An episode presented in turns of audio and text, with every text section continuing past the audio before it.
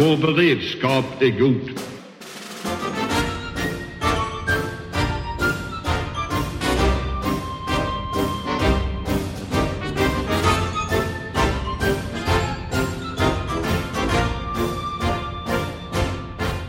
Hej och välkomna till Höjd beredskap, en podd från Aftonbladet Ledare. Och vi som är här idag är Johan Victorin. Patrik Oksanen. Amanda Wollstad. Och jag, Anders Lindberg. Och vi befinner oss just nu i gamla polishuset i Stockholm, eh, mitt emot Stockholms tingsrätt, eh, i det som före hette Rikskriminalen och som nu är Nationella operativa enheten. Och med oss idag så har vi Stefan Hector, chef för operativa enheten. Hejsan. Hej! Stefan Hector har bakgrund som kustjägare från början, men valde att bli polis. Han har jobbat i Norrmalmspolisen, i Stockholmspikén, som operativ chef i Västerort, där eh, från Rinkeby och Husby till Bromma, Solna och Sundbyberg. Och sen 1 mars 2015 så är han chef för operativa enheten och alltså chef för nationella insatsstyrkan, polisflyget, bombskyddet och ansvarig för det som heter Rimfrost, polisens samordnande insats mot skjutningar och bombdåd. Och vi tänkte väl börja i, i situationen som den är när det gäller just sprängningar och bombdåd. Aftonbladet har räknat till 121 sprängningar under 2019 och eh, Amir Rostani, eh, kriminolog, han sa i en DN-intervju, ganska uppmärksammad för ett tag sedan, att vi måste tyvärr söka oss till krigszoner för att hitta en liknande, något liknande. Så Stefan Hector, vad är det som händer egentligen? Ja, vårt intryck, och med vårt så menar jag polisen, eh, så har vi ju sett eh, kriminella konflikter i alla tider. Eh, men om vi ska ta de senaste årtiondena så ser vi att de har i vart fall till del centrerats mot det som vi kallar för utsatta områden, områden med låg socioekonomisk status med en hög andel människor med utländsk härkomst de här konflikterna har tagit sig lite olika uttryck eh, och att eh, under en period, och då är jag någonstans strax efter 2010, eh, då kunde man eh, skjuta i luften eller kanske rent av skjuta någon i benet för att på något sätt eh, eh, markera sitt ställningstagande i en kriminell konflikt. Eh, men att det här våldet, eller man säger, tröskeln för att använda grovt våld har filats ner, sjunkit. Och vi ser idag unga män utan någon vidare framtidstro eh, som skaffar sig respekt genom kriminalitet. Och eh, jag såg en rapport från Brå med djupintervjuer där man beskrev ett system att för att få status så räckte det inte med att skjuta någon i benet nu för tiden utan eh, då, då, var, man, då var man ganska mesig. Utan man skulle nog skjuta någon i kroppen eller i huvudet för, för att åtnjuta respekt i kriminella kretsar. De här konflikterna drivs ju delvis av vad ska jag säga, rationella skäl. Det skulle kunna vara narkotikahandel som får ändå sägas vara ett uttryck för marknadskrafter, fast marknadskrafter med våld. Eh, det får sägas vara kanske ett rationellt skäl. Men det kan också vara så att rena, rena upplevda kränkningar, att eh, man visar inte tillbörlig respekt, man pratar med fel flickvän eller, eller någonting trivialt. Och många av de konflikter som vi ser kommer folk inte ens ihåg hur de startade. Så att vi ser grovt våld som konsekvens av antingen rationella konflikter eller eh, upplevda kränkningar. Du, du det här är det, ja. Du beskrev någon gång i en intervju jag gjorde med dig för, ja, det är ganska länge sedan nu tror jag, så beskrev du det som en kapprustning mellan olika grupper. Att det blir som en slags nästan en, en man, man rustar upp liksom mängden våld som är nödvändig. Eh, I linje med det som du berättar om Brå nu. Kan du liksom utveckla det? Var, var, var går gränsen för det här? Liksom, hur mycket våld kan vi hur mycket våld kan det bli? Ja, den frågan eh, är, när, är närmast filosofisk, men jag kan, jag, kan, jag kan i varje fall beskriva vad vi har, vad vi har sett. Och, eh, kapprustning kan väl på något sätt eh, att härledas till liksom vilka medel man använder. Om man inledningsvis till exempel använde stick och, och skärvapen, knivar, möjligen eskalerar till, till pistoler. Nu är det absolut mest vanliga vapnet eh, som används så är det automatvapen och inte sällan då AK47 eh, som har importerats hit från Balkan. Det är en dimension. Vi har också sett en användning av handgranater som också saknar motstycke i, i västvärlden. Men nu har handgranaterna eh, avtagit lite grann och vi ser vad som Ja, I den här podden så skulle man kunna säga IED, för jag tänker att lyssnarna är pålästa, eller i vart fall hemmagjorda bomber. Eh, som vi ser en utveckling att det finns eh, väldigt, väldigt, enkla konstruktioner där man fyller en termos med svart krut och sätter i en, en stubin. Men det finns också väldigt, väldigt avancerade fjärrutlösta konstruktioner som inte är byggda av nybörjare. Den här utvecklingen kan beskrivas som en, en kapprustning eller en eskalering i termer av verktyg och vapen. Eh, och Det ska ses kombinerat med en lägre tröskel för att använda just grovt våld. Var, du pratade om, om idéer, men är även råvarumaterialet eh, framställt av gärningsmännen själva eller var, var, kommer grejerna ifrån? Vad är det som används?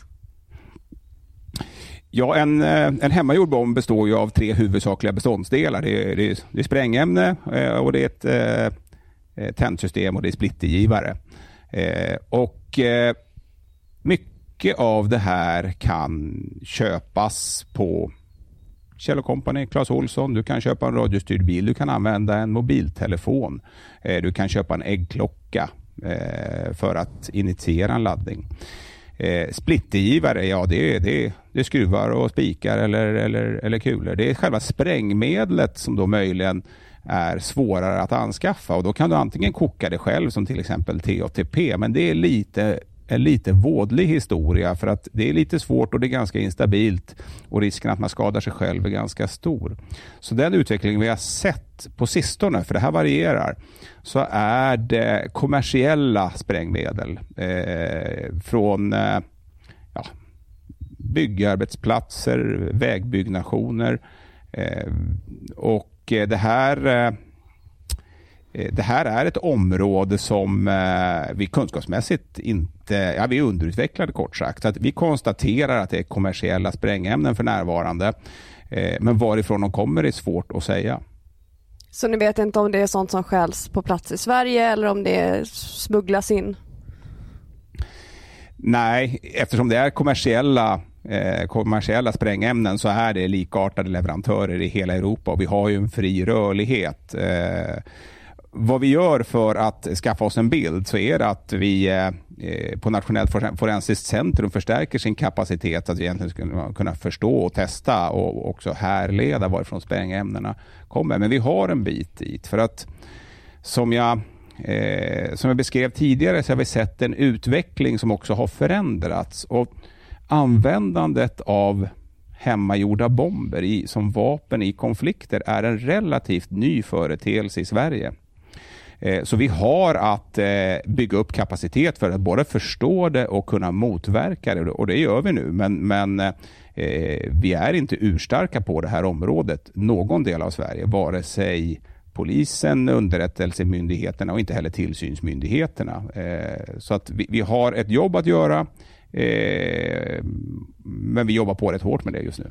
Men om man tittar på, alltså hur, hur man, man tänker just för jag förknippar ju hemmagjord, den här typen av hemmagjorda eh, sprängmedel förknippar jag ju med Afghanistan eller man förknippar det med den typen av områden. Att liksom, och det hotar svenska förband där och så. Det är, det är en ganska lång väg därifrån till, mm. till, till, Stockholm.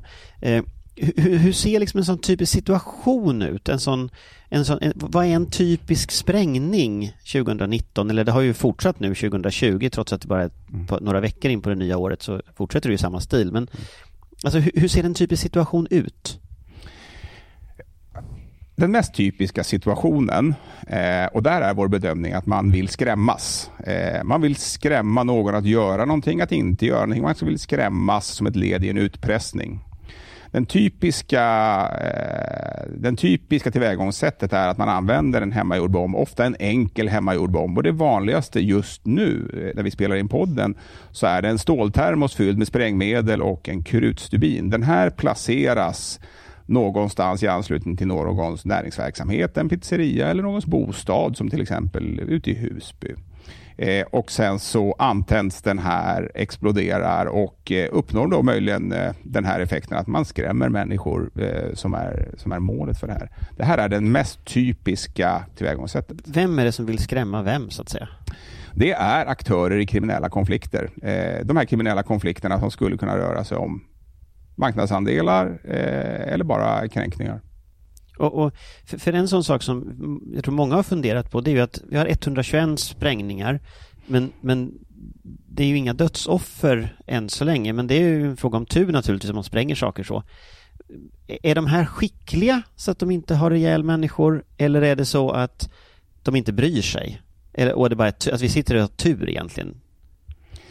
Jag skulle säga det sistnämnda, att vi inte ser skadade människor, framförallt tredje person, eh, tror jag, för jag säger, jag säger tror eller bedömer, att eh, huvudsakligen så används de här laddningarna nattetid när inte så många människor är ute och rör sig. Eh, men som du var inne på, bryr de här människorna sig om om de skadar tredje person? Ja, där har vi sett en del utveckling där man faktiskt inte gör det. Och Ska jag ta mig in i vart fall en lite principiell skillnad mellan att bedriva konflikter mellan skjutvapen eh, å ena sidan och sprängladdningar å andra sidan, så kan man säga att om man genomför ett angrepp med ett skjutvapen så finns ju gärningspersonen finns på plats och kontrollerar vapnet, kontrollerar vem man verkar med vapnet mot. Eh, å andra sidan då en, en sprängladdning, där är man ju inte på plats. Man kontrollerar inte sprängladdningen i regel. Utan när man har lämnat sprängladdningen och inte är på platsen eh, så kommer sprängladdningen gå av och då vet man inte hur miljön ser ut. Och På så sätt så riskerar man ju att tre, skada tredje person. Vi har sett några sådana exempel vi har ett exempel, en, en kvinnlig student som förlorade synen i en situation där en laddning gick av eh, tidigare än vad som är vanligt, eh, det vill säga när folk fortfarande är ute och rör sig. Vi har en situation där man kastar in en handgranat i en lägenhet i Göteborg, var vi en åttaårig omkom. Så att jag skulle nog påstå att vi ser en likgiltighet eh, hos aktörerna, en likgiltighet inför konsekvenserna. Det kanske inte var meningen att skada den kvinnliga studenten, eh, men man gjorde det ändå trots att man eh, rimligen borde ha förstått risken. Hur uppstår, för det här tror jag är en psykologi som många funderar på, alltså hur uppstår en person som är likgiltig inför att man har ihjäl en åttaårig pojke till exempel, eller en, eh, skadar en kvinnlig student eller spränger en, en, en, en trappuppgång där det mycket väl kan ligga en människa eller det kan gå förbi en person på gatan. Alltså hur hur har de här personerna som gör de här gärningarna uppstått? Var kommer de ifrån? Vad är det som har hänt? Jag, jag försöker svara på den här frågan ur det polisiära perspektivet och det är med stor ödmjukhet för det finns andra professioner som kanske förstår det här bättre. Men så som vi ser det eh, så är det här unga män eh, som egentligen har startat sitt liv utanför samhället. Man kanske inte har fått de normer som, som andra får genom att eh, föräldrarna kanske inte är de auktoriteter som, som, som de typiskt sett är i kärnfamiljer. De kanske har fått växa upp med föräldrar som till exempel inte kan svenska. Att det snarare så blir barnen som blir familjens auktoriteter eftersom föräldrarna inte eh, på samma sätt blir en del av samhället. Man kanske inte är en del av en fungerande arbetsmarknad. Så man växer upp i en familj där det kanske saknas auktoriteter, där man eh, känner sig utanför samhället och att man är så trångbodd så man växer upp på gården snarare än inne i lägenheten. Och Normgivande då blir ju kompisarna, gängen runt omkring. Där eh, och jag, där, där, jag, jag, vill verkligen säga att jag vet inte hur mekanismerna ser ut, men vi kan konstatera att de här unga männen, för det är i regel unga män, känner en hopplöshet och uppgivenhet över att någonsin bli en del av samhället. Eh, och Det här är människor i nedre tonåren som kanske känner jag kommer aldrig att bli någonting. Jag kommer aldrig att ta mig någonstans. och det enda vägen fram, de enda förebilder som faktiskt kanske har tagit sig någonstans med status, pengar, tjejer, det är de kriminella. De blir normgivande i de här områdena. Och när de, det där är vägen till framgång, ja, då blir det attraktivt. Jag skulle bara som en liten anekdot vilja på något sätt återberätta ett samtal med en kille som hade hoppat av en kriminell karriär eh, någonstans i 25-årsåldern eh, som berättar om att eh, hans uppväxt i Rinkeby, jag var, jag var ingen, det var ingen som brydde mig om, det var inga tjejer som ville vara med mig. Eh, på något sätt så, ja, han togs in i kriminalitet, han fick pengar, han fick status, han fick tjejer och då, då ställde vi frågan, vad hade fått dig att sluta? Alltså, ingenting. Det var den bästa tiden i mitt liv. Jag var någon.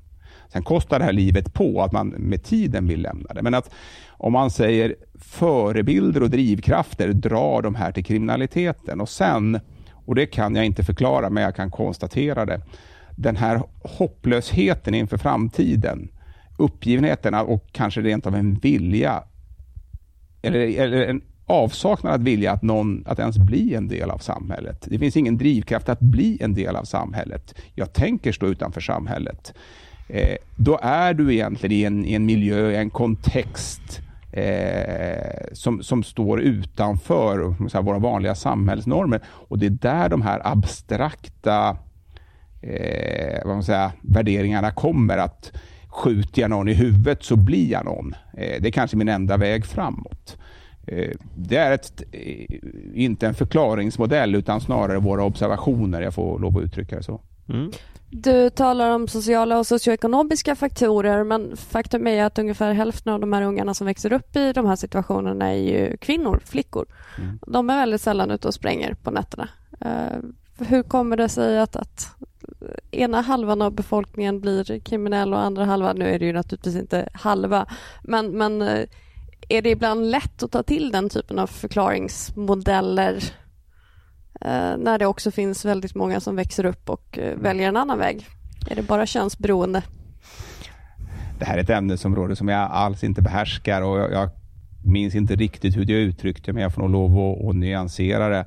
Det här från min del så är det inte en förklaringsmodell till kriminalitet utan snarare ett konstaterande att det är de områden med, säga, som är socioekonomiskt utsatta, det är där vi ser de här konflikterna emanera ifrån orsakssambanden däremellan tror jag klokare människor än jag får ta sig an. Ni har ju hur väl har ni koll på de här grupperna? För det har ju pratats lite angående några av de senaste bombdåden att det eventuellt också finns mc-kopplingar. Och det, de har ju tidigare använt en hel del sprängämnen. Jag kommer ihåg när jag växte upp på 90-talet så var det ju mc-krigen som var den stora konfliktzonen med, med det grova våldet. Eh, Sen har det tagit en steg tillbaka, i alla fall i rapporteringen. Är det någonting som är på återgång nu? Finns det kopplingar mellan de här grupperingarna? Eh, Ja, din första fråga var, har vi koll på de här? Ja, men vi har, vi har ganska bra koll på vad det här är för människor. Vi har olika vi har olika lister på människor som är en del av skjutningar och sprängningar och de här kan vi skära på, på, på olika sätt. Och, Eh, vi har vad vi brukar kalla för en cylindermodellen och väldigt, väldigt förenklat så kan man säga att, att eh, eh D-aktörer, det är barn. Eh, det är barn under, under 10. Eh, C-aktörer, det är, det är hjälpredor, spräng, springpojkar som, som, som stödjer de så kallade B-aktörerna som är utförda, det är de som skjuter och spränger och A-aktörerna är de som är ledarfigurer, toner som, som egentligen initierar, skapar konflikterna. Eh, det är den modell vi använder för att då på något sätt eh, extrahera människor som bidrar till skjutningar och sprängningar. Och eh, det här, de siffror som jag nämner ska verkligen tas med en nypa salt för de uppdateras var 14 dag. Men vi har konstaterat att i Sverige så är det knappt 3 000 människor som på något sätt kan sättas i samband med skjutningar och sprängningar. Inte som gärningspersoner, men, men möjligen liksom i utkanten, möjliggörare eller, eller, eller hjälpreder. Skär vi det här, eh, om man säger till fokuspersoner, människor som vi betraktar eh, är, kritiska i sammanhanget, så är vi strax under 300 eh, kartlagda i Sverige. Så vi vet vilka människor som är en del, eller vi har, ja, vet och vet, vi har en god uppfattning om vilka människor som är aktiva i skjutningar och sprängningar i Sverige. Och de tillhör olika, olika grupperingar. För jag har fram till nu talat ganska mycket om det som vi kallar för liksom, förortsgäng. Eh, men som du säger, mc-gängen är en aktör i det här också med eh, så här, behov av marknadsandelar, behov av att hävda sin, eh, sin del av till exempel narkotikamarknaden och de här eh, de säga, målkonflikterna löser man med, med våld. Så att en del av de sprängningar vi ser är också konflikter mellan mc-gäng. Sen kan man väl också säga att, för jag minns också tiden när mc-gängen kom till Sverige, för då hade ju motorcyklarna i vart fall en framträdande, liksom en framträdande roll i den här verksamheten. Det vill vi nog inte riktigt påstå att vi ser längre, att själva motorcykelåkandet skulle vara en del. Så att eh, mc-gängen är eh, säga, varumärken för grovt kriminella. Där tror jag hojåkandet är subsidiärt. Jag tänker på det här med eh, du beskrev en situation här där man kommer i de yngre tonåren. Man är ju i en mening ett, kanske ett offer också då därför att kriminella ledare är ju duktiga på att manipulera och skaffa sig liksom påverkningsbara människor som är unga. Eh, hur, hur stoppar man det så att säga? Ja, för den frågan är intressant, för jag får ofta frågan liksom, vad, vad ska polisen göra? Eh, och då brukar jag försöka gränsa av det till polisen är en brottsbekämpande myndighet och i det, det ligger Ska jag förenkla det lite grann så kan man säga att dels så gäller det att eh, åstadkomma säkerhet i Sverige å ena sidan och å andra sidan också upprättelse för, för människor som är utsatta för brott. Så brottsbekämpning är en delmängd för att om man säger, i vart fall begränsa skjutningar och sprängningar och begränsa rekrytering i kriminella miljöer. Men inte ens om vi blev 20 eller 30 000 poliser till så skulle, så skulle polisen eh, liksom helt kunna förhindra de här brotten. Det som måste göras då, det är tillväxten. Det är attraktivt, som i det här exemplet jag försökte berätta, att det är attraktivt att vara en del av de här gängen. Den här attraktionen var nog bara en kort stund, för livet är nog inte så, så, så, så glamoröst efter ett tag. Men det finns en attraktion. Om någon blir skjuten eller någon sätts i fängelse, så står det väldigt många på tur för att ta platsen. Mm. Och då är det nog snarare, och det här är långt bortom mitt kompetensområde, att verka i de politikområden som gör att människor integreras, får jobb, eh, får bostäder, blir en del av samhället. Det vill säga att återskapa den här framtidstron. Eh, men det här är ett område som jag som jag inte bottnar i eh, djupare än så. Men kan man tänka sig att man kraftsamlar på B-aktörerna som du kallar det för då? För att genom att liksom svepa undan dem eller liksom påverka dem så skapar man ju ett gap mellan A-aktörer och C-aktörer. Eh, är det där ni kommer liksom satsa kraften? Ja, det var, det var, det var insiktsfullt. För, för Rimfrost, den nationella särskilda händelsen Rimfrost, eh, syftar till inte inte att lösa komplexa problem, men däremot att bryta en utveckling, att skapa andrum eller som kanske podden eh, tilltalas av, att skapa handlingsfrihet. Eh, vi siktar in oss på B och C-aktörer. Vi siktar in oss på eh, om man säger, korta ledtider. Att med, egentligen med korta ledtider försöka ta, jag, jag, jag, jag säger ta bort, eh, ta bort de här människorna Eh, man kan ta bort dem genom att få dem fällda för brott. Man kan ta bort dem genom avhopparverksamhet, att de lämnar kriminaliteten. Och Man kan också faktiskt hindra unga människor genom eh, SOL 14-anmälningar, lag om vård av unga. Och Effekten som vi önskar se är att eh, dels att de här människorna som är aktiva inte, ja, inte längre går på stadens gator och torg. De är inkapaciterade eller i vart fall har lämnat det livet. Men det kan också innebära att de kallade A-aktörerna, ledarfigurerna, blir av med sina direkt underställda eh, och tvingas ta större risker själva och då exponera sig för risken att bli lagförda. Eh, så att Rimfrost siktar just på de aktörer som du beskriver. Rimfrost har ju haft eh, fokus, har fokus delvis i alla fall på Malmö. Där har det ju exploderat rätt friskt i ganska många år. Bland annat var det något parti handgranater som cirkulerade runt för några år sedan. Eh, nu har jag inget tvivel på att polisen har varit engagerad i den här frågan hela tiden men, men som Malmöit så är det svårt att inte känna ibland att det är först när det börjar smälla i Stockholm som det blir någon slags politiskt ordentligt fokus och, och eh, koncentration på Eh, har du några, några tankar om det? Märker ni att det, det är lättare att få gehör nu när det har spritts till resten av landet än när det var en isolerad situation i Malmö? Ja, gehör eh, vet jag inte, men jag konstaterar ju samma sak som du. Eh, att eh, om man säger trycket medialt och på andra sätt är annorlunda om det exploderar på Östermalm än om det gör det i Husby. Eh, det är en betraktelse och jag tror att jag stannar där. Eh, men att eh, om vi tar oss an, som du sa, Malmö. För Rimfrost, och nu känner jag att det finns en operationsorder som är jättetjock och annat, så att jag får verkligen förenkla det här. Rimfrost har egentligen tre stycken beståndsdelar. Eh, den första är den som jag försökte beskriva, att slå undan eh, B och C-aktörer eh, för att på så sätt reducera skjutningar och sprängningar.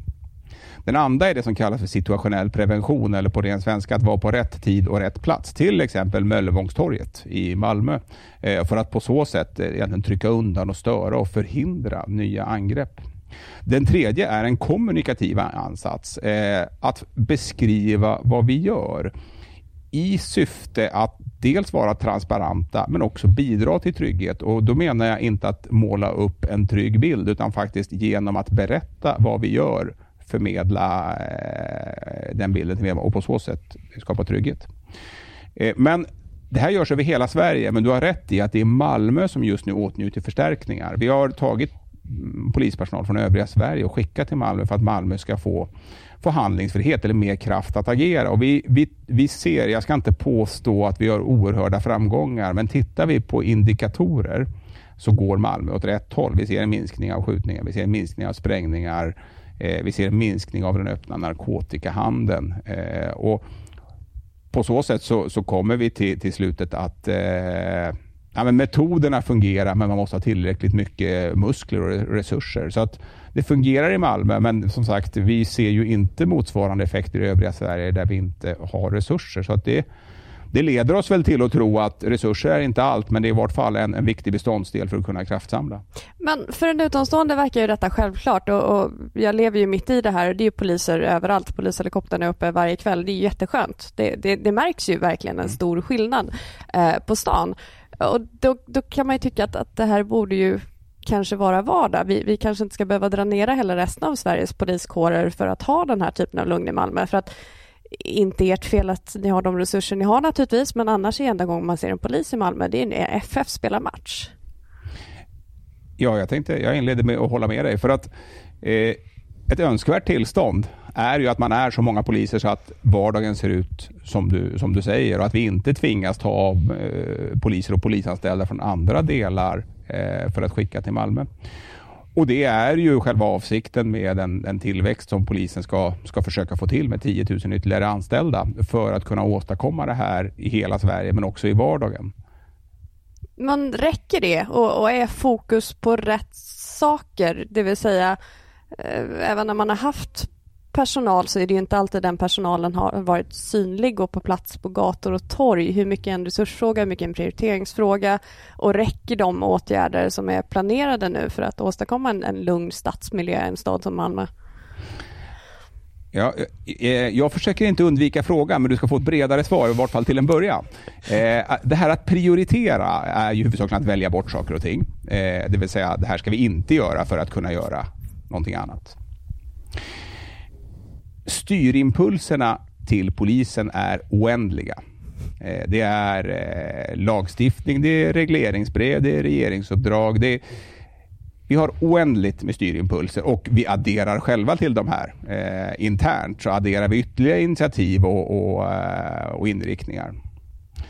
Det gör att vi har, och mycket av det här är styrt i lag. Så vårt utrymme att prioritera bort Eh, är, är, det är väldigt begränsat.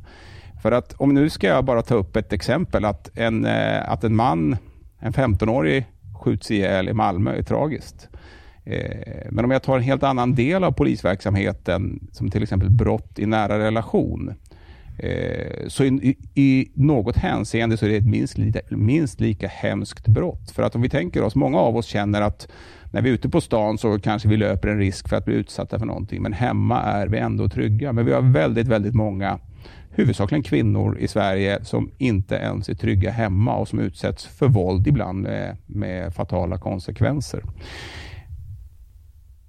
Vi har brott mot våra välfärdssystem eh, som tömmer dem på enorma summor. Och jag skulle kunna fortsätta länge på alla de utmaningar som vi har.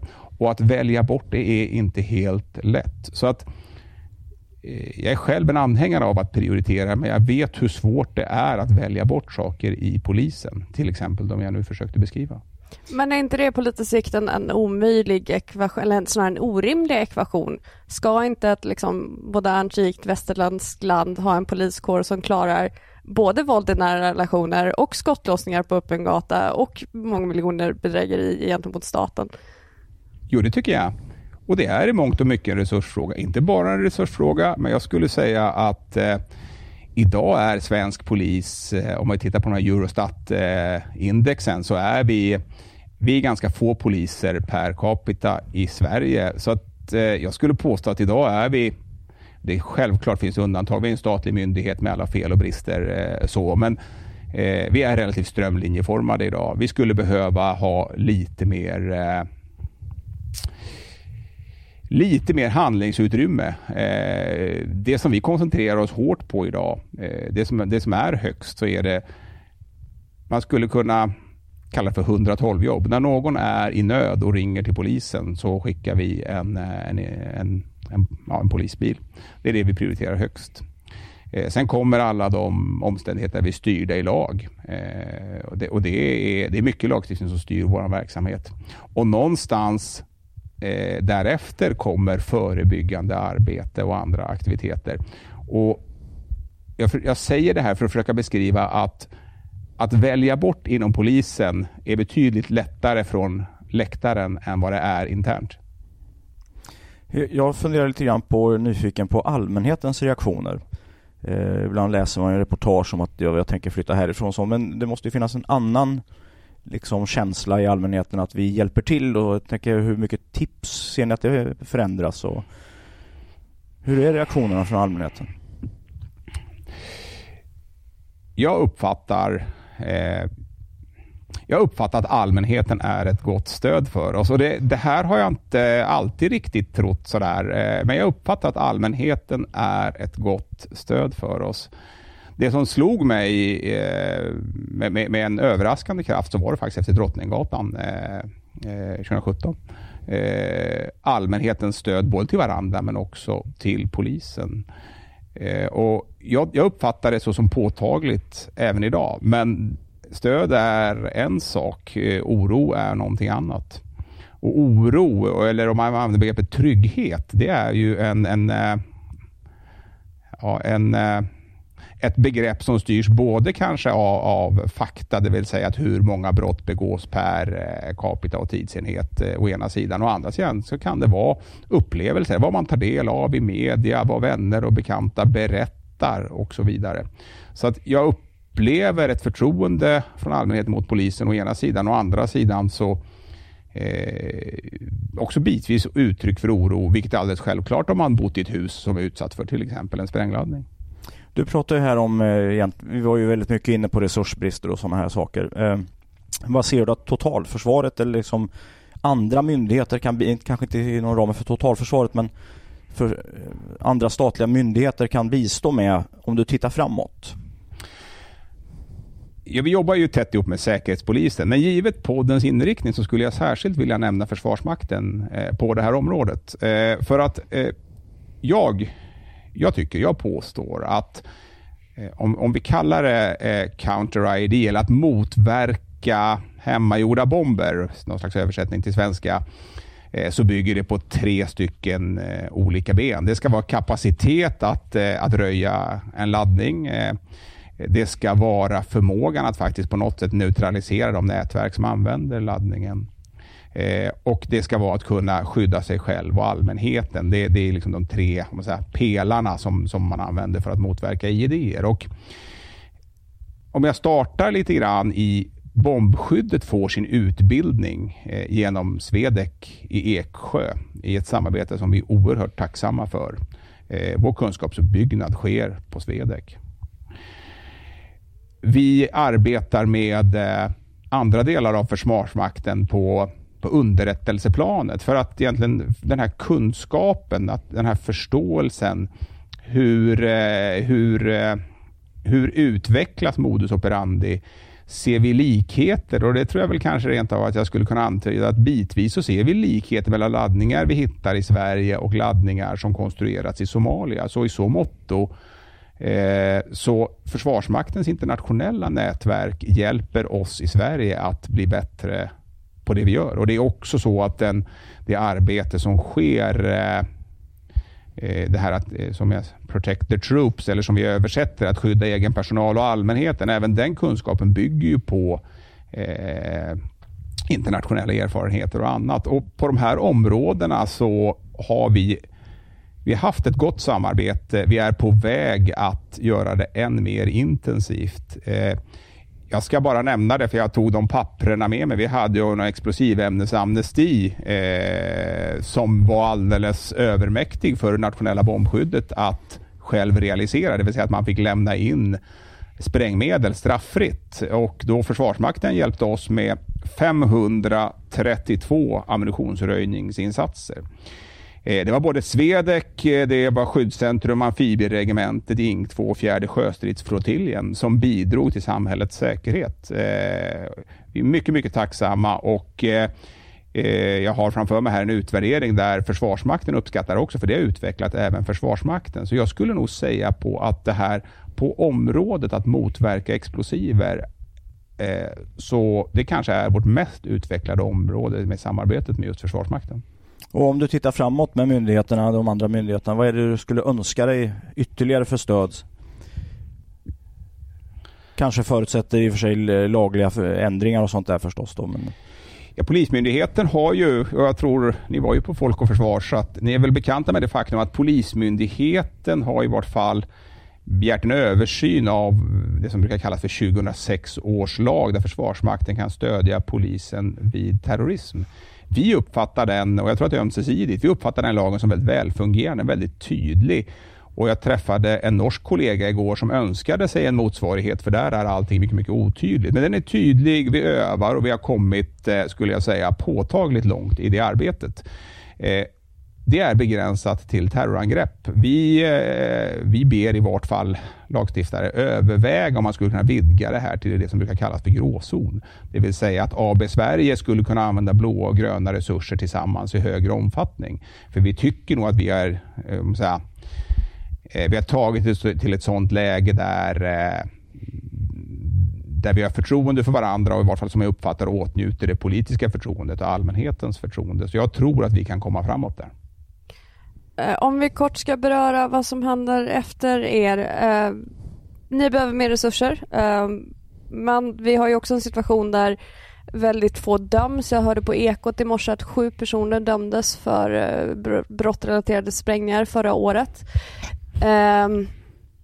Det svårt att bevisa. Explosionerna gör att, att mycket av beviset går upp i rök. Du pratar själv att det är väldigt unga eh, gärningsmän eller åtminstone hantlangare. Det vet vi att de här gängen ofta använder icke straffmyndiga personer som kurirer eh, med berått mod.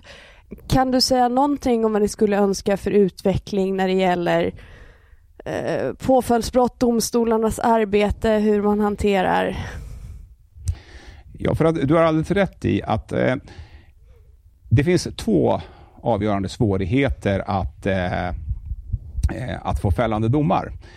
Och lite grann, jag tar med en försvarsmaktsbetraktelse, det vill säga att på, försvarsmaktskonstruktionen på de här tre pelarna är ju egentligen att genom underrättelser kunna kinetiskt angripa en motståndare och på så sätt neutralisera. Där finns ju en artskillnad med Polismyndigheten vars verkansdel är lagföring. Det vill säga att vi måste kunna säga, offentligt styrka eh, brott. Och Att göra det är inte helt lätt. Och det, det, första problemet är tekniskt, det vill säga att bevisningen exploderar ju upp eh, och försvinner. Eh, vilket gör att, att söka forensiska spår är svårt. Det är den ena delmängden. Den andra delmängden är att människor i kriminella miljöer vill inte prata med polisen.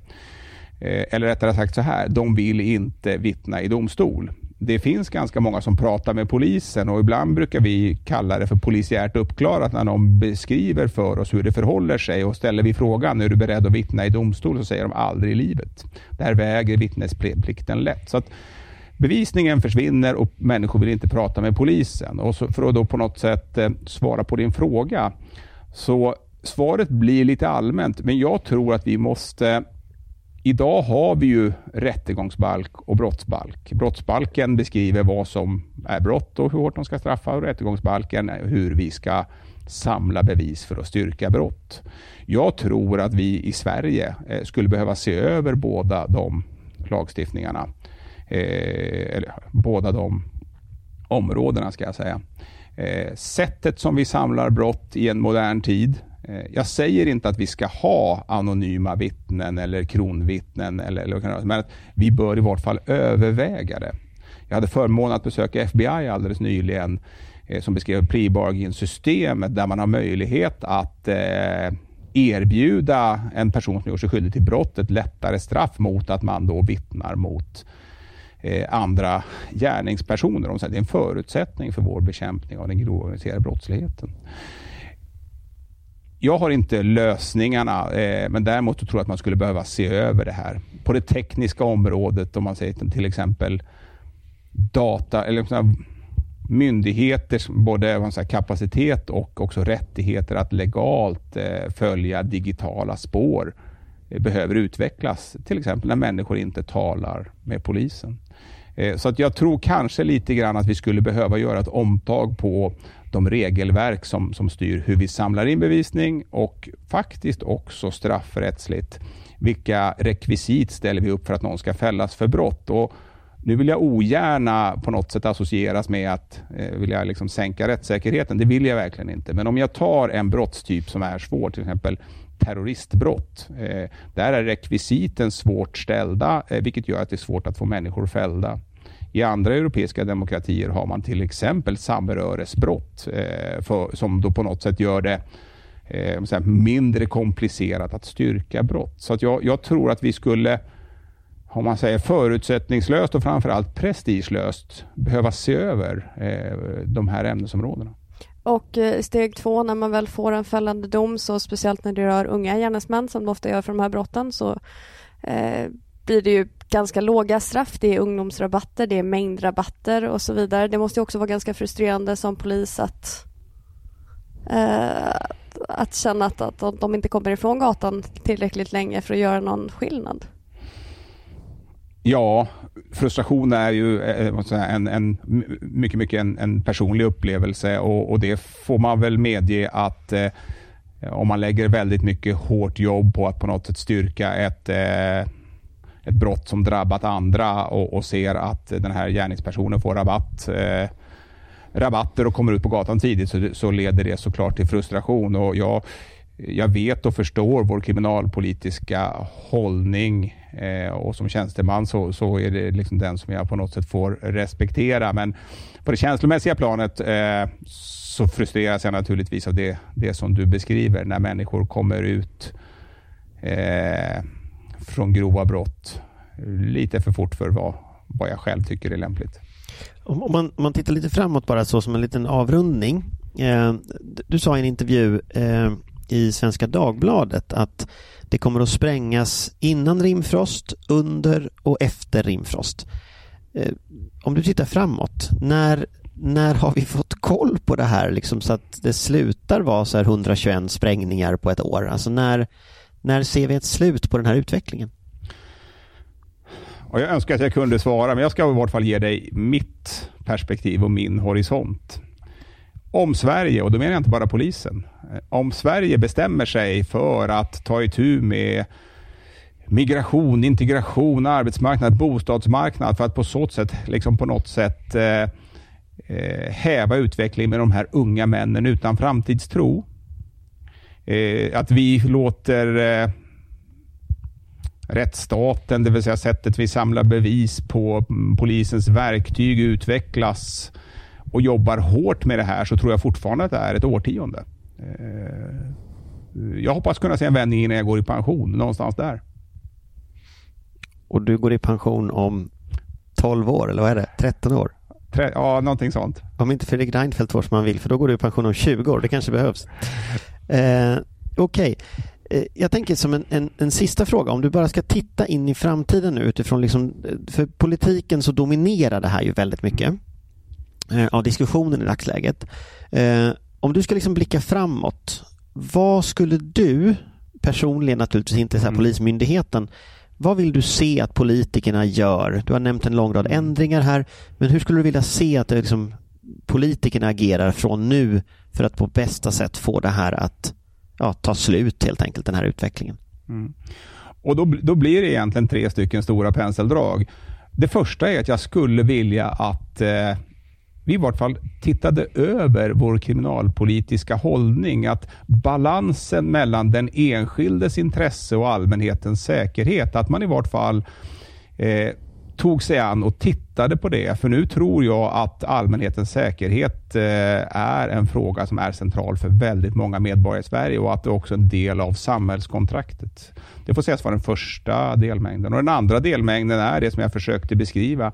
De verktyg som polisen har för att styrka brott. Och lite förenklat kan man väl säga att idag så bygger ju väldigt mycket på muntlig tradition. Att om A slår B och C ser det, att eh, B gör en polisanmälan, eh, C vittnar och A talar i vart fall i förhör. Och när man inte gör det så blir det så mycket svårare för Polismyndigheten att faktiskt se över den, eh, den delmängden. Hur kan polisen samla bevis för att styrka brott? Och Det tredje, och det, det är med viss... Eh, jag, här önskar jag verkligen att inte bli missförstådd, att i vart fall se över straffrätten. Eh, inte på något sätt att minska rättssäkerheten, men kanske titta på vissa brott som är mycket, mycket svåra att styrka. Jag skulle kunna ta krigsbrott som eh, en annan, ett annat brottstyp som är väldigt svår att styrka. Det vill säga vad har utspelat sig i en annan världsdel vid en annan tid eh, där man har svårt att få människor att eh, eh berätta om det här. Att, att eh, i vart fall orka se över det eh, på ett sätt Eh, för att egentligen hålla ihop det som vi ibland kallar för samhällskontraktet. För det tycker jag att inre och yttre säkerhet är ju det som jag vill ha eh, i min överenskommelse med, med staten och samhället och jag tror att det är gemensamt för många. Tack för att du kom hit. Tack så mycket. Tackar. Vår beredskap är god. Ja, då, då går vi över till, till vår panel. Eh, för att se lite vad, vad, eh, vad, eh, vad vi nu har, har hört just. Så allmänna reflektioner. Vad, vad säger ni om det Stefan Hector säger?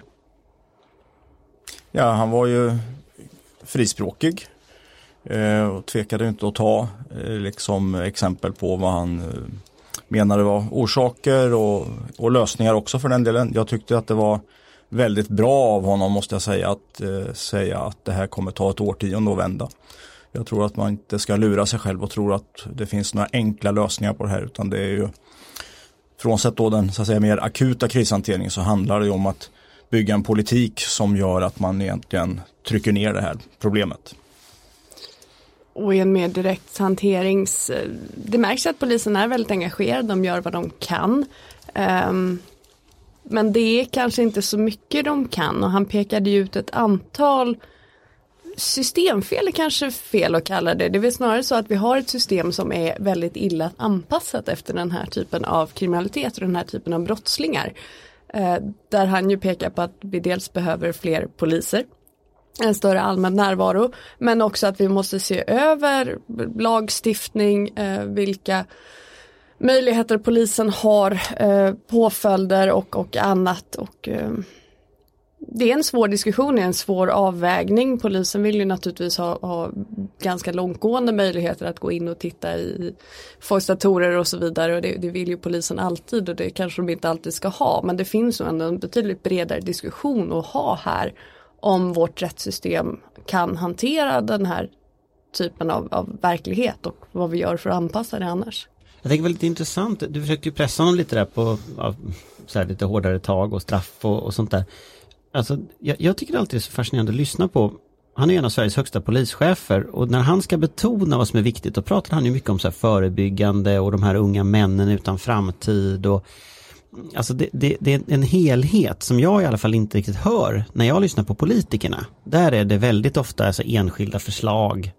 Men den här helheten som, som han kommer med, den tycker inte jag riktigt kommer fram, att det är så komplext. Jag tänkte på det här, han avslutade när han skulle sammanfatta själv, så sa han ju det här att, att vi man måste tippa balansen mellan personlig integritet och allmänhetens intresse.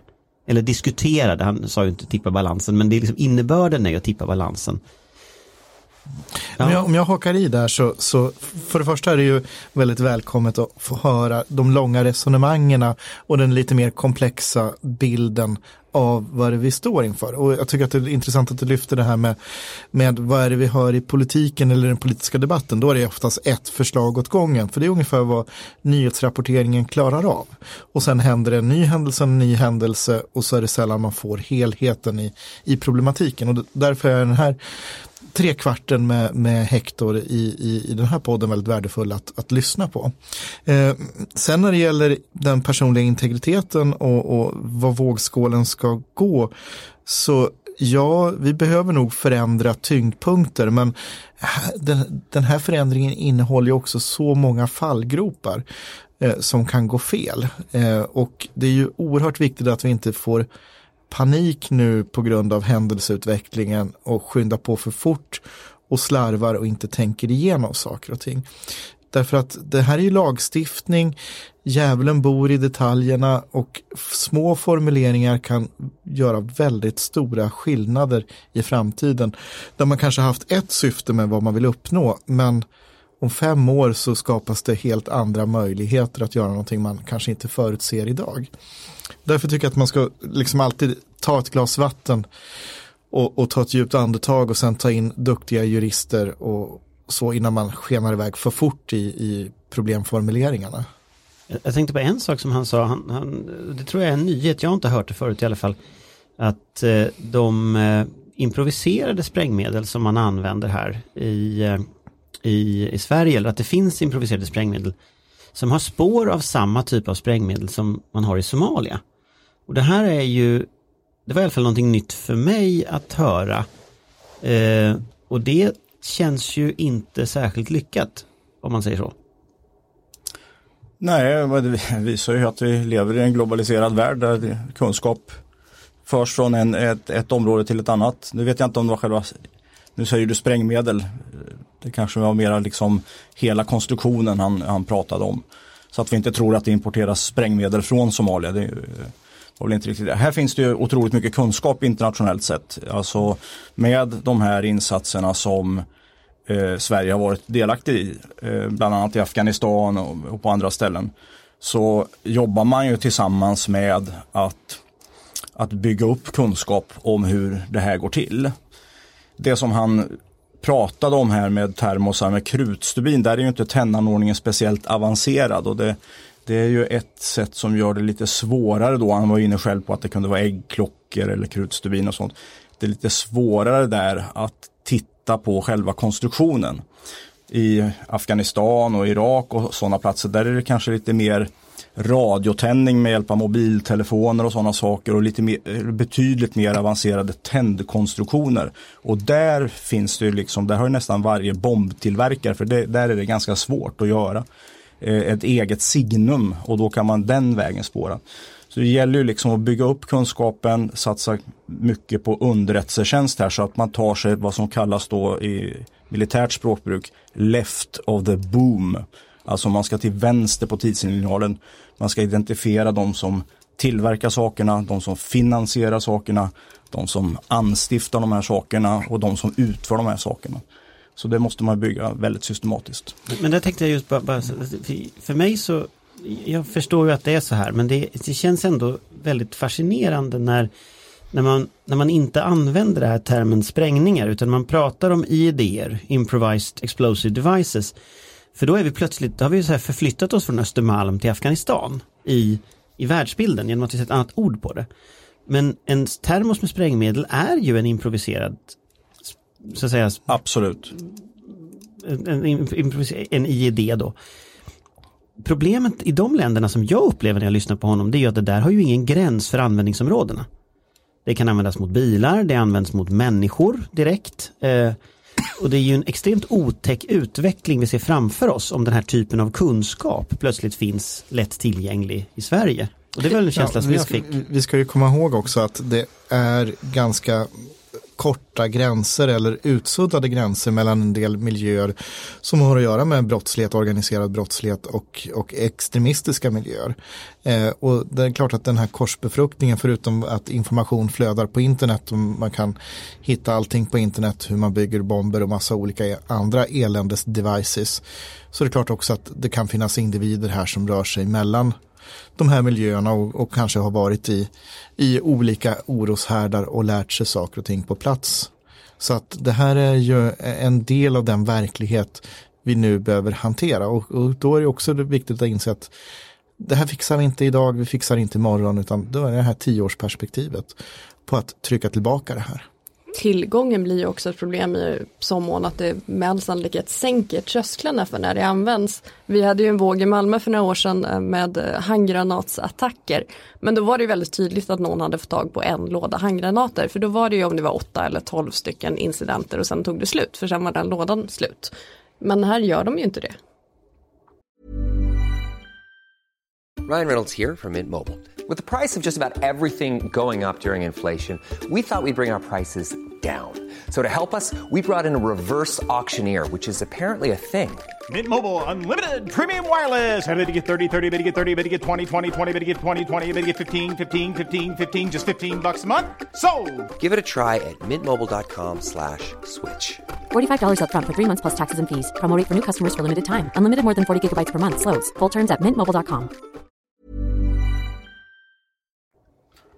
Nej, jag tänker vi pratade när, när vi pratade om det här avsnittet innan lite så då, då är ju frågan så här, vad gränsen för säkerhetspolitiken här? Eh, det här är ju en del av det civila försvaret eh, som, som eh, ska klara den här typen av saker. När vi ser sprängningar, 121 sprängningar förra året, eh, är det en säkerhetspolitisk fråga i första hand? Är det en polisiär fråga i första hand? Vad är det för slags liksom, frågeställning, tycker ni? Lite mer filosofisk fråga. Ja, alltså, och det, mitt filosofiska svar här är ju att är inte problemet att, att vi alldeles för mycket har en tendens att vilja dela upp saker och ting i stuprör, etikettera det som en sak eller en annan sak när, när de här sakerna går in i varandra.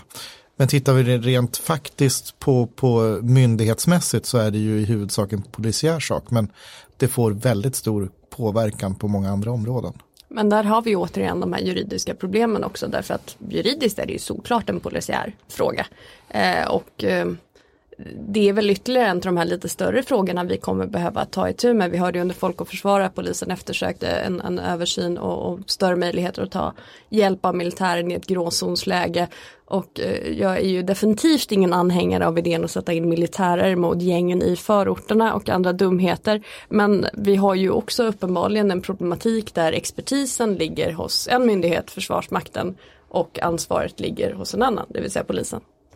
Men där var det ju då glädjande att han lyfte att just det samarbetet fungerar väldigt väl. Jag tänker att när själva de här sakerna kanske inte, det beror på vad vi vet om det här så att säga, men just nu är det ju i huvudsak en polisiär, en inrikespolitisk fråga.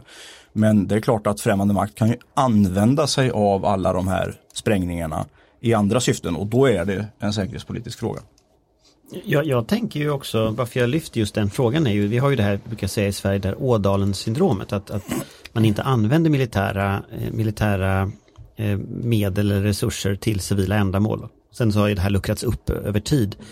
Men, men den frågan som, jag tror det var du Johan som tog upp det med honom också, alltså to, övriga totalförsvaret vet ju saker, om man tar underrättelseinformation till exempel. Om man kopplar det här till Afghanistan eller till Somalia, till den typen av, av oroshärdar, då, då finns det ju en bred palett då handlar det inte som, som Amanda sa om att sätta in trupp i förorten, men det handlar om att använda en lång rad resurser. Och, och om man nu ska ändra detta till en gråzonsproblematik istället för att ha liksom ren terroristbekämpning som man kan hjälpa till. Det öppnar ju för ganska stora möjligheter. Tror ni politikerna är beredda att ta det steget? Ja, alltså jag tror ju att den politiska debatten de inför valet 2022 eller om det blir ett val innan dess låter jag bli osagt. Men mycket kommer ju handla om, tror jag, en, en övertrumfning i uppvisande av politisk vilja att komma till rätta med det här. Och där är, kan jag ibland bli lite rädd att det kanske kommer att gå lite väl fort. Eh, och kanske bli en del saker som kanske inte är helt genomtänkta. Jag tänker mycket på att jag skulle hellre vilja se liksom en kompetensöverföring inom de områden då som behövs. Eh, därför att Försvarsmakten måste ju så att säga koncentrera sig på sin uppgift och det är ju att träna för ett eh, krig som vi längre inte kan utesluta. Eh, och därför så är det nog att man måste nog bygga mycket av det här i polisen med stöd av då kompetensmässigt. Och sen kan det ju naturligtvis alltid finnas undantagen om momentan insats då man måste begära eh, militära resurser. Men det kan, vi kan inte bygga ett system som bygger på att vi håller nere polisbehovet för att vi ska påräkna oss stöd från försvaret som egentligen ska träna på sin huvuduppgift. Nej, här sätter du också då fingret på att vi har ingen beredskapspolis idag. Eh, med införandet av civilplikt runt hörnet så kanske det är som så att vi skulle Eh, fundera på att, att tillsätta mer kompetenser inom polisen. Värnpliktig polis som går över till beredskapspolis så att det finns en större förmåga att, att växa resursmässigt vid behov för polisen. Eh, för att kunna hantera den här problematiken. Jag tycker att det är en, en sak som man borde titta på ganska snabbt. Efter, eftersom alla är överens om att det behövs upp till 10 000 polisanställda de kommande åren i det här läget. Vad är då behovet i ett läge där vi då har krigshandlingar i närheten av Sveriges territorium. Det finns livsmedelsbrist. Det kanske är svårt att få ut kontanter. Det kan vara problem med elförsörjningen till och från. Hur ser ordningshållningen i samhället ut då och vem ska då utföra den? Mm. Man skulle kunna tänka sig att det här kombineras med att man också då för över väktaruppdrag som idag ligger på Securitas och andra bolag som har haft svårt att hantera stölderna och pistoler på regeringskansliet till exempel till en, en så att säga bevakningspolisenhet som kopplas ihop med beredskapspolisen.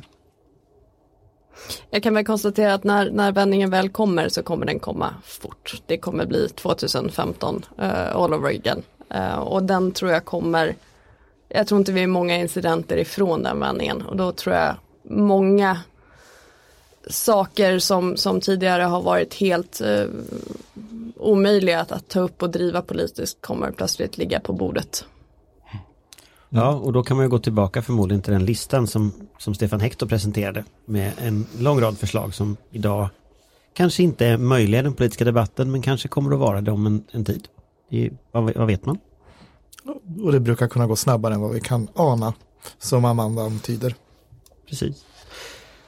Ska vi därmed säga tackar för idag?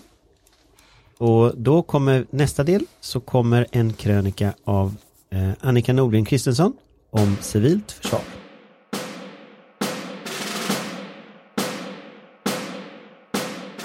Få har missat diskussionen om pengar och utformning av det militära försvaret inför det beslut som riksdagen så småningom ska fatta, troligen i december, om totalförsvarets inriktning åren 2021 till 2025. Men totalförsvaret består av det militära försvaret och det civila försvaret. Så var är då debatten om det civila försvarets pengar och utformning? För att allra först bara nämna något kort om vad det civila försvaret är, så är de övergripande målen för det civila försvaret att värna civilbefolkningen, säkerställa de viktigaste samhällsfunktionerna och att bidra till Försvarsmaktens förmåga vid ett väpnat angrepp eller krig i vår omvärld. I fredstid arbetar de berörda aktörerna med totalförsvarsplanering för att kunna verka i händelse av skärpt säkerhetsläge. Den civila verksamheten i totalförsvaret är inte en enskild organisation, såsom Försvarsmakten, utan verksamheten bedrivs bland annat av statliga myndigheter, kommuner, regioner, näringsliv, frivilligorganisationer, trossamfund och så vidare. Enligt förordningen om totalförsvar och höjd beredskap är alla statliga myndigheter skyldiga att beakta totalförsvarets krav i sin verksamhet och de ska planera för att kunna fortsätta verksamheten så långt som möjligt även under höjd beredskap. Just att det civila försvaret inte är en organisation utan en verksamhet är förmodligen en del av förklaringen till det jämförelsevis ringa genomslaget i debatten och därmed kanske resurstilldelningen. Det blir ingen enhetlig tydlig avsändare med ett helt informationsmaskineri bakom sig och kan ej heller så vara. Men det är ändå lite märkligt. När nu med svenska mått mätt det militära försvaret tilldelas en ganska stor resursförstärkning framöver borde den investeringen i förmåga som det innebär så att säga säkras genom att öka förmågan inom civilt försvar. Överbefälhavare Mikael Bedén brukar ju också noga framhålla hur beroende det militära försvaret är av det civila för att kunna verka. Och det handlar om allt från logistik, sjukvård, diesel och livsmedel. Men det handlar också om försvarsvilja. Om samhällets funktioner bryter samman gagnar det naturligtvis inte försvarsansträngningarna och tvärtom. Den som vill angripa och påverka oss väljer de medel som ger bäst effekt, såväl militära som civila. Och om en sådan angripare vet att vi har motståndskraft, uthållighet och robusta vitala system som är svåra att slå ut, oavsett om det handlar om cyberangrepp eller långräckviddiga vapen, så innebär det en avskräckande effekt och det blir dyrare i både tid och resurser att ge sig på oss. Eller som Försvarsberedningen skriver i en av sina rapporter, ett starkt svenskt totalförsvar är krigsavhållande och därmed förebyggande och ytterst fredsbevarande." Slutcitat. En annan orsak till att det civila försvaret inte diskuteras så som det militära försvaret gör skulle kunna vara att det är många i politiken och bland medborgarna som fortfarande inte har tagit till sig att säkerhetsläget i vårt närområde har försämrats så över tid och att vi inte kan utesluta ett väpnat angrepp eller användandet av militära maktmedel mot Sverige. Men om det är så, så borde kanske ökad förmågan att motstå andra svåra påfrestningar på samhället kunna intressera. I lagen om totalförsvar och höjd beredskap framgår nämligen att totalförsvarsresurser också ska utformas så att de kan stärka samhällets förmåga att förebygga och hantera svåra påfrestningar på samhället. Kan inte detta då om något skjutsa upp frågan på dagordningen? I maj 2018 skickade MSB, alltså Myndigheten för samhällsskydd och beredskap, ut en broschyr på uppdrag av regeringen till alla hushåll om hur medborgare bör agera om det värsta skulle hända. Den fick titeln om Krisen eller kriget kommer. En studie från Lunds universitet visar i korthet att förtroendet för olika myndigheters beredskap inom civilt försvar låg på en medelnivå både före och efter det att medborgarna tagit del av informationen. Däremot ökade det ansvar medborgarna tillskrev olika aktörer för att upprätthålla beredskap för civilt försvar från ett ganska litet ansvar till ett ganska stort ansvar efter att de har tagit del av broschyren. Och den här förändringen inbegrep också det ansvar medborgarna tillmätte sig själva intressant nog. Det verkar alltså bland medborgarna finnas förväntningar på ansvar och en ökad förmåga. Men tro mig, även det civila försvarets hantverkare så att säga kommer höja röster framöver. Kanske på sitt jämförelsevis lågmälda sätt. Det civila försvarets maskineri, alltså de som arbetar praktiskt med totalförsvarsplanering, med att genomföra övningar och resursförstärka för att höja förmågan, arbetar just nu intensivt med den stora totalförsvarsövningen som genomförs i landet. Den kommer blottlägga luckor, svagheter, brister, men också visa var vi är starka, effektiva och genomtänkta såklart. De kommer att vilja täta glappen och höja förmågan, väl medvetna om vilken betydelse det har för det militära försvarets förmåga och samhällets motståndskraft i stort. De har också hört hur de politiska partierna talar om och framhåller vikten av ett starkt civilt försvar. Nu blir det upp till bevis. Vill politiken fylla orden med reella resurser? I maj kommer de bevakningsansvariga myndigheterna att redovisa resultatet av ett omfattande regeringsuppdrag som de har fått. Enkelt uttryckt så ska de analysera de behov och åtgärdsförslag avseende det civila försvaret som bland annat försvarsberedningen har redovisat, inklusive att räkna på kostnader. Alla dessa underlag från alla dessa bevakningsansvariga myndigheter kommer sedan tas om hand av regeringskansliet, för mig faktiskt oklart hur, inför riksdagsbeslutet. I de förhandlingar som nu sker inför totalförsvarsbeslutet så handlar det alltså inte om antingen eller, antingen om förstärkningar till civila eller till det militära försvaret, utan det måste vara både och. Det kommer att kosta i konkurrens med andra angelägna samhällsområden. Generaldirektören för MSB, Dan Eliasson, han brukar framhålla behovet av parallellitet i utvecklingen av det civila och det militära försvaret. Han har helt rätt.